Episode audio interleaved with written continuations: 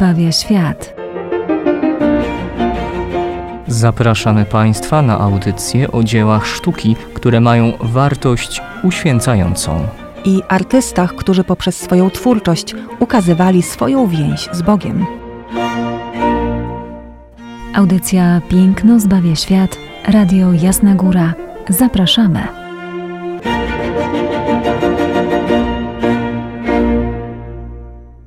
Szczęść Boże, witamy Państwa serdecznie w kolejnym wydaniu audycji Piękno zbawia świat. Izabela Benaszewska. Ojciec Tomasz Mordziałek. Dzisiaj szczególny dzień, a czy nasz odcinek jest w szczególnym dniu, przynajmniej jeśli chodzi o moją wspólnotę zakonną, gdyż dzisiaj przeżywamy uroczystość świętego Pawła, pierwszego pustelnika, patriarchy naszego zakonu. Patriarchy, czyli duchowego ojca, nie założyciela, gdyż założycielem był błogosławiony Eusebiusz z Ostrzychomia.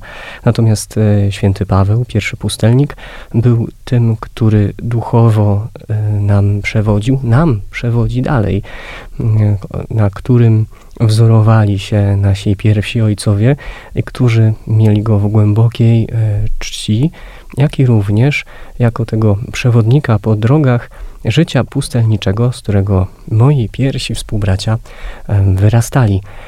Ale dzisiaj nie o nim, mimo wszystko, z racji, że go e, wspominamy i to jest jego dzień.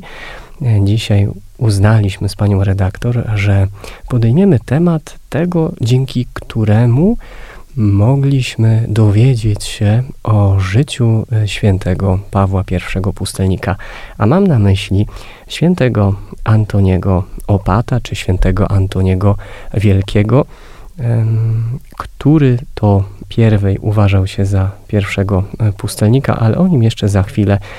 Mamy jego obraz, jego wyobrażenie pędzla Lucjana Wędrychowskiego. Jest to malarz już bardziej współczesny. Tym razem e, nasze rozważanie będzie dotykało sztuki XIX wieku, a tak dokładnie końca XIX wieku.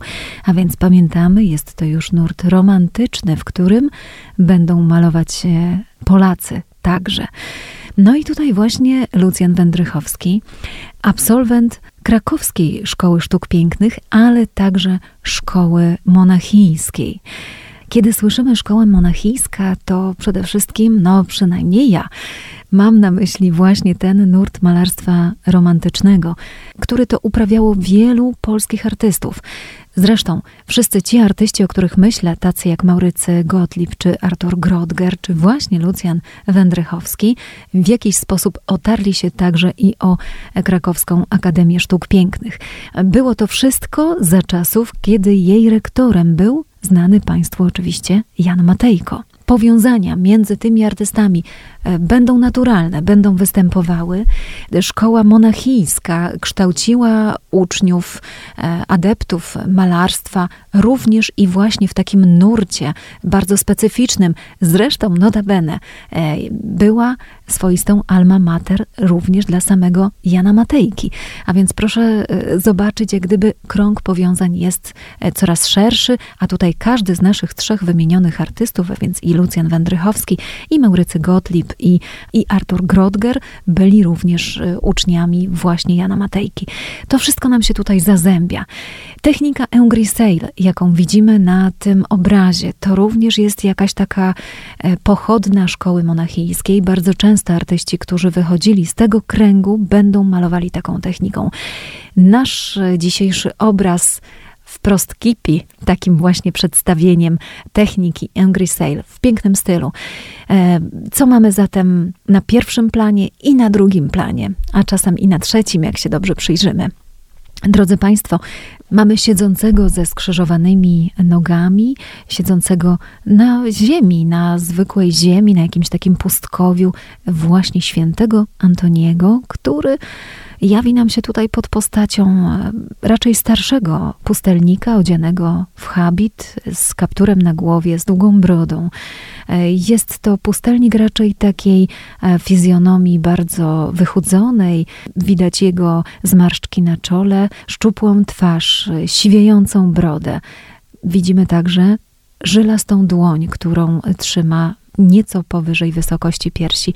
Więc mamy człowieka, który siedzi skupiony na modlitwie. Przypomina nam o tym jeden bardzo ważny szczegół. Antoni w drugiej ręce trzyma krucyfiks, niewielki krucyfiks, który także leży na tej zwykłej, wyjałowionej ziemi. Do namalowania całego tego obrazu artysta użył niewielu barw i to jest właśnie nasza słynna technika engrisale, wydobywanie kształtów w obrazie za pomocą jednej barwy w przeróżnym jej nasyceniu. Więc wszystko to idzie w jednym tonie. Za świętym Antonim zupełnie ciemne tło i ognisko. W tle za nim, na drugim planie, ognisko. Tuż przy jego nogach jeszcze jeden ważny szczegół, oparta prawdopodobnie o czaszkę, bo jest to zbyt gładki kamień, raczej czaszka, zgodnie, zgodnie z dewizą Memento Mori, pamiętaj o śmierci, którego używali pustelnicy, oparta właśnie o czaszkę e, Biblia. Wnętrza księgi nie widzimy, widzimy ją tylko mm, otwartą, raczej widać tutaj jej zewnętrzną okładkę. No i za naszym tytułowym bohaterem, świętym Antonim, żarzące się węgle. Te żarzące się węgle to jedyna mocniejsza i cieplejsza barwa w tym obrazie. E, ognisko dogasające, z którego unosi się dym. No ale ważniejsze jest to, jaki wizerunek układa nam się w tym dymie w górnej części tego obrazu. Na pierwszy rzut oka, jeśli patrzymy na obraz kuszenie świętego Antoniego, możemy zastanawiać się, jakie kuszenie, gdzie ono jest. O co chodzi? Dokładnie, bo widzimy e, samego Antoniego pogrążonego głęboko w medytacji, która tym bardziej bardzo długo trwała. E, dlaczego? No, myślę, że to ognisko dogasające, te żarzące węgle będą tutaj dla nas konkretnym znacznikiem tego, że Antoni rozpoczynając pewne medytacje, rozpalił ogień, aby było ciepło, lecz tak pogrążony w tajemnicach wiary, w tym, co postanowił e, wejść, rozważać, e, rozmyślać w tą modlitwę, rozmowę i przebywanie z Bogiem, po prostu ognisko wygasło, zostawiając tylko żarzące węgle. A z tego dymu, z tego ogniska w górze widzimy, jak pojawia się pewna postać kobiety. Ta postać kobiety, to owokuszenie, jest e, związane e, z zmysłowością. To nie jedyna pokusa, która e, dotykała świętego Antoniego, z którą musiał się zmierzyć, ale tą akurat przedstawia nam dzisiejszy autor. Kim był święty Antoni Pustelnik, święty Antoni Wielki, opat? Jego żywot mamy przedstawionego przez świętego Atanazego, biskupa, doktora kościoła, który był z nim e, w relacji. Otóż święty Antoni w młodym wieku, około 20-18 lat, różnie to podają, stracił swoich rodziców. Miał też e, siostrę i co ciekawe, w nim bardzo Słowo Boże zabrzmiało, gdy e, przybył do kościoła, usłyszał następujące słowa: Jeśli chcesz być doskonały, idź, sprzedaj wszystko, co posiadasz i daj ubogim, a będziesz miał skarb w niebie. Potem przyjdź i chodź za mną. Te słowa z Ewangelii świętego Mateusza tak uderzyły świętego Antoniego, tak wziął je na serio, że dokonał e, faktycznie, dosłownie tego, co usłyszał. Sprzedał swój majątek, zabezpieczył finansowo swoją siostrę, e, bo był za nią odpowiedzialny, zatem nie uniknął, e, czy nie uciekł od tej odpowiedzialności, czy tej troski o bliźniego, najbliższego, jakim była jego siostra, natomiast resztę majątku rozdał ubogim i udał się na pustynię odosobnienie na pustkowie, aby naśladować Chrystusa, tego Chrystusa, który akurat też udawał się na pustkowie, na górę, by w samotności przebywać i rozmawiać ze swoim ojcem. Święty Antoni Opat y, był tak y, niezwykłą postacią y, i takim prekursorem życia pustelniczego, że jak to czytamy w żywocie świętego Pawła, pierwszego pustelnika, uważał siebie za właśnie pierwszego z pustelników. Posiadał około dwóch tysięcy uczniów, którzy wokoło niego, wokoło jego pustelni zbierali się i tworzyli własne ośrodki, miejsca przebywania z Bogiem w osobności sam na sam, pobierając nauki właśnie u niego jako mistrza. Mistrza przede wszystkim e, nie tylko w tej kontemplacji, ale również konkretnej walki, gdyż pustelnicy nie byli, nie byli tylko jako tymi, którzy uciekali od świata, którzy gardzili, oczywiście gardzili już e, dobrami doczesnymi, ale udawali się na pustynię jednocześnie po to, by walczyć. Pustynia również w sensie biblijnym była miejscem przebywania demonów, złych duchów. A zatem pustelnicy, święty Antoni również, udając się na pustynię, na, na odosobnienie, postanowił również walczyć. I gdy spojrzymy na obrazy przedstawiające świętego Antoniego mm, Wielkiego na przestrzeni wieków, widzimy go w dużej mierze w momencie, kiedy jest atakowany przez demony, kiedy jest kuszony najrozmaitszymi wyobrażeniami od strony chciwości, chwały, próżności, pokus e, cielesnych. Mm, autorzy przedstawiali to naprawdę jako różne abominacje, e, przeróżne stwory, które myślę, że nie powstydziłby się przedstawić ich dzisiaj nie jeden autor filmów science fiction. Tak, tutaj mamy na myśli chociażby Hieronima Boscha. Powstał cały tryptyk kuszenia świętego Antoniego, tam przeróżne stwory, jak to u Boscha, prawda? Ale jednak mimo wszystko, ojcze, najczęściej e, kuszenie świętego Antoniego jest wyobrażane e, no, w taki sposób, że pokusą jest kobieta.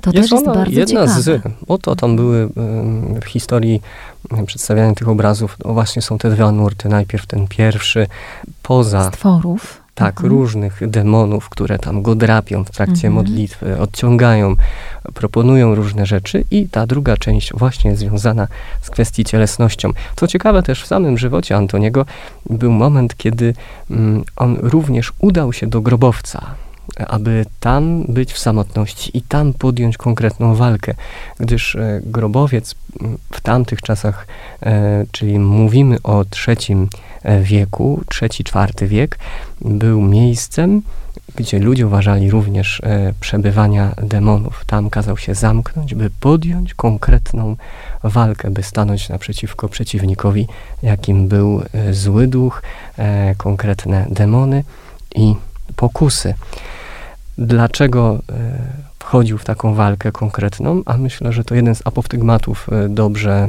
e, nam wytłumaczy. Otóż mm, tradycja przekazuje nam i wkłada w usta świętego Antoniego następujące słowa. Nikt nie może wejść do Królestwa Niebieskiego niewypróbowany. Zabierz pokusy, a nikt nie będzie zbawiony.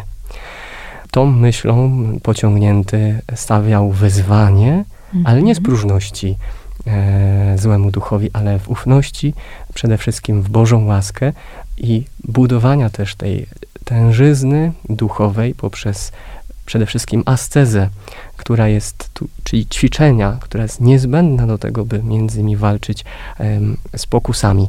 A więc wiemy już tutaj z czym, z jaką pokusą na tym obrazie walczy święty Antoni, bo Antoni, wiemy to od świętego Atanazego, był e, kuszony na wiele sposobów, ale był też przez diabła w jakiś sposób poraniony. Taką sytuację przedstawia nam też Jakub de Voragine w, w swojej Złotej Legendzie, mówiąc o tym, że e, święty Antoni był wręcz drapany lub bity przez złego ducha. Z jednej z takich potyczek z nim musiał go wynieść na e, swoich e, plecach jeden z jego uczniów, aby go w jakiś sposób już odciągnąć od e, tej pokusy, która mocne piętno na nim wyciskała. Tutaj mamy sytuację, w której Antoni walczy z tą pokusą zmysłowości, a więc sensualizm nam wkracza do obrazu bardzo wyraźny I w tym dymie unoszącym się z nad ogniska widzimy bardzo subtelną postać kobiecą. Jest to e, tak naprawdę przede wszystkim twarz, bo mamy tutaj popiersie e, kobiety, która ma zamknięte oczy. Jeśli chodzi o ideały epoki, no to można powiedzieć, że ma taką klasyczną urodę. E, to bardzo również ważne, że święty Anton jest tutaj mocno uspokojony. Pokazuje, nam wszystkim, jak z pokusą się walczy, tak? Czyli siedzi w takiej medytacyjnej pozie, prawda? W modlitwie. Ręka e, złożona na piersi, w drugiej ręce krucyfiks. Artysta ukazuje Antoniego jako bardzo prostego zakonnika. Ma bose stopy. Nie broni się tutaj żadnymi tarczami, jak to było w średniowieczu, tak? Nie chowa się przed tym uderzeniem sił diabelskich, ale właśnie jego orężem podstawowym jest modlitwa. Spoglądając na obraz, przynajmniej jak ja na niego patrzę, zresztą gdy pierwszy raz na niego spojrzałem w Galerii Sztuki Polskiej XIX wieku w Sukiennicach, naprawdę mnie zauroczył. I, i spoglądając y, na niego, po pierwsze, y, nie zauważyłem, nie wiedziałem, dlaczego chodzi o kuszenie, bo nie zauważyłem dymu. Podobnie jest nieraz y, z nami, myślę, że to dobrze autor przedstawił. Pokusy na początek nie zawsze od razu widać, kiedy ona się do nas skrada. Chociaż tutaj też zastanawiam się, czy to, co widzimy w dymie, to po pierwsze kobiety, to jest moment samej pokusy, że gdyby Antoni się obrócił i zobaczył, musiałby rozpocząć walkę, czy mamy tu e, pewien obraz tego, co on już w samej medytacji jest, że jest już w momencie tak, zmagania. Tak, tak. E, nie widzimy może tego na jego twarzy, ani w jakiejkolwiek e, postawie ręki i tak dalej, ale że już jest ten moment mówiąc nie, bo każdy z nas jest kuszony i będzie kuszony. Pokus się nie pozbędziemy, nie usuniemy ich z naszego życia. My musimy podjąć zawsze z nimi walkę. Jedną z nich i podstawową zawsze jest, aby nie wchodzić z nimi w dialog, jakikolwiek, żaden nie podejmować ich pokuszenia, pociągnięcia ku temu, by je rozwijać, po prostu od razu je odrzucać, unikać. Różne są ku temu sposoby, różne podaje też i cała tradycja Kościoła. Jedną z nich oczywiście jest przede wszystkim zwrócenia się ku Bogu pierwej wołanie Jego pomocy, Jego łaski, która jest niezbędna do tego. Co też dla mnie było ciekawe, spoglądając na świętego Antoniego, tak jak go e, Wędrychowski przedstawia, często Antoniego pokazuje się jako starca, czyli tego, który jest w pełni doświadczony, e, czyli pełnej siwizny, nie, nie raz. Tu mamy e, pokazane, no właśnie, lekko siwiejącego.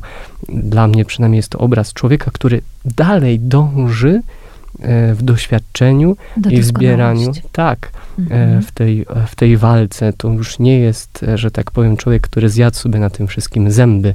On dalej w tym idzie do przodu i można, czy to może być też również taka konkretna nadzieja, że nie muszę być też w super podeszłym wieku życia, e, by wiedzieć, jak walczyć e, z pokusą, ale jest to możliwe wcześniej. Oczywiście on sam już daje nam tutaj konkretny przykład spokoju, modlitwy, medytacji, tej kontemplacji, którą warto na pewno w swoim życiu e, praktykować.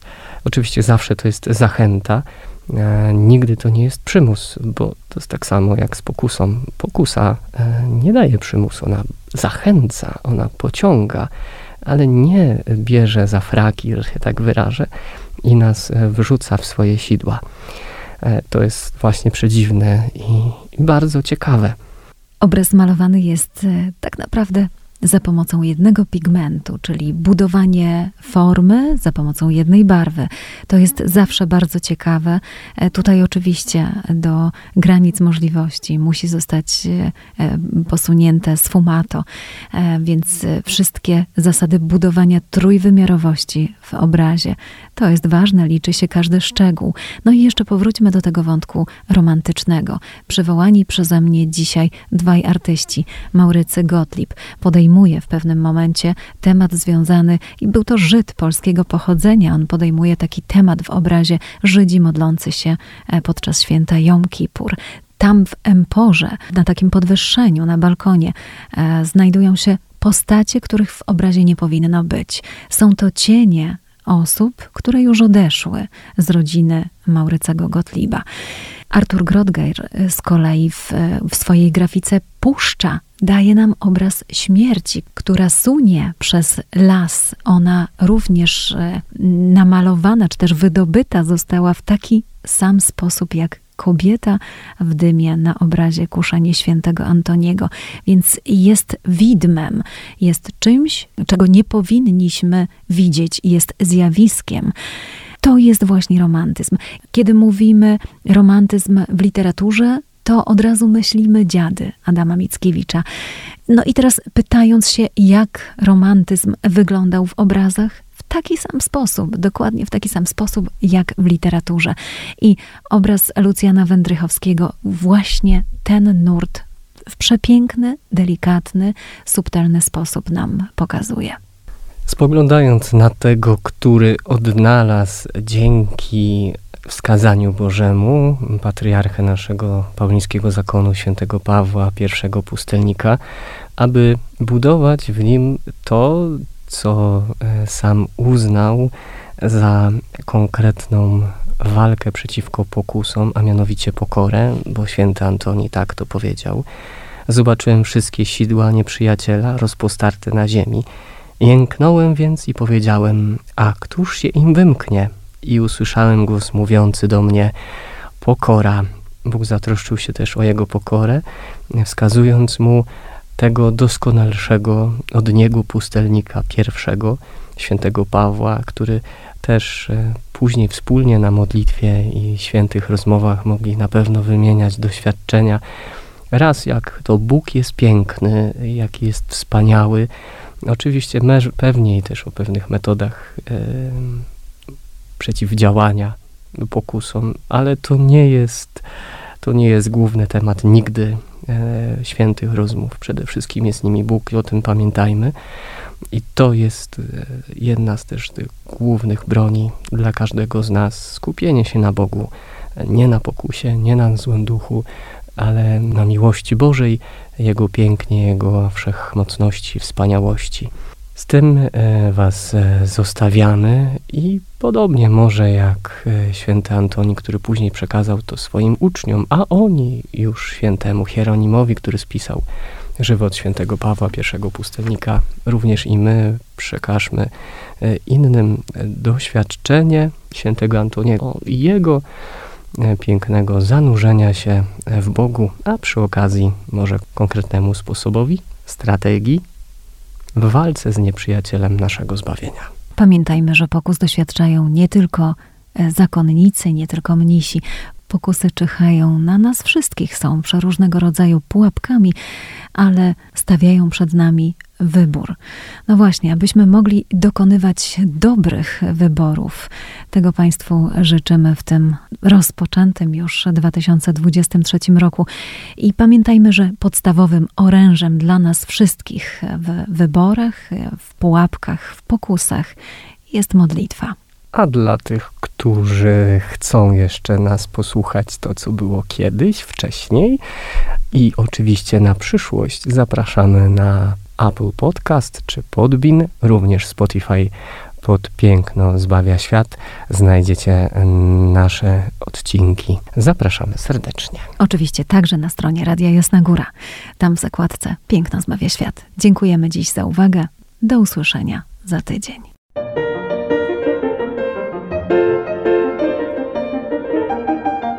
Piękno zbawia świat.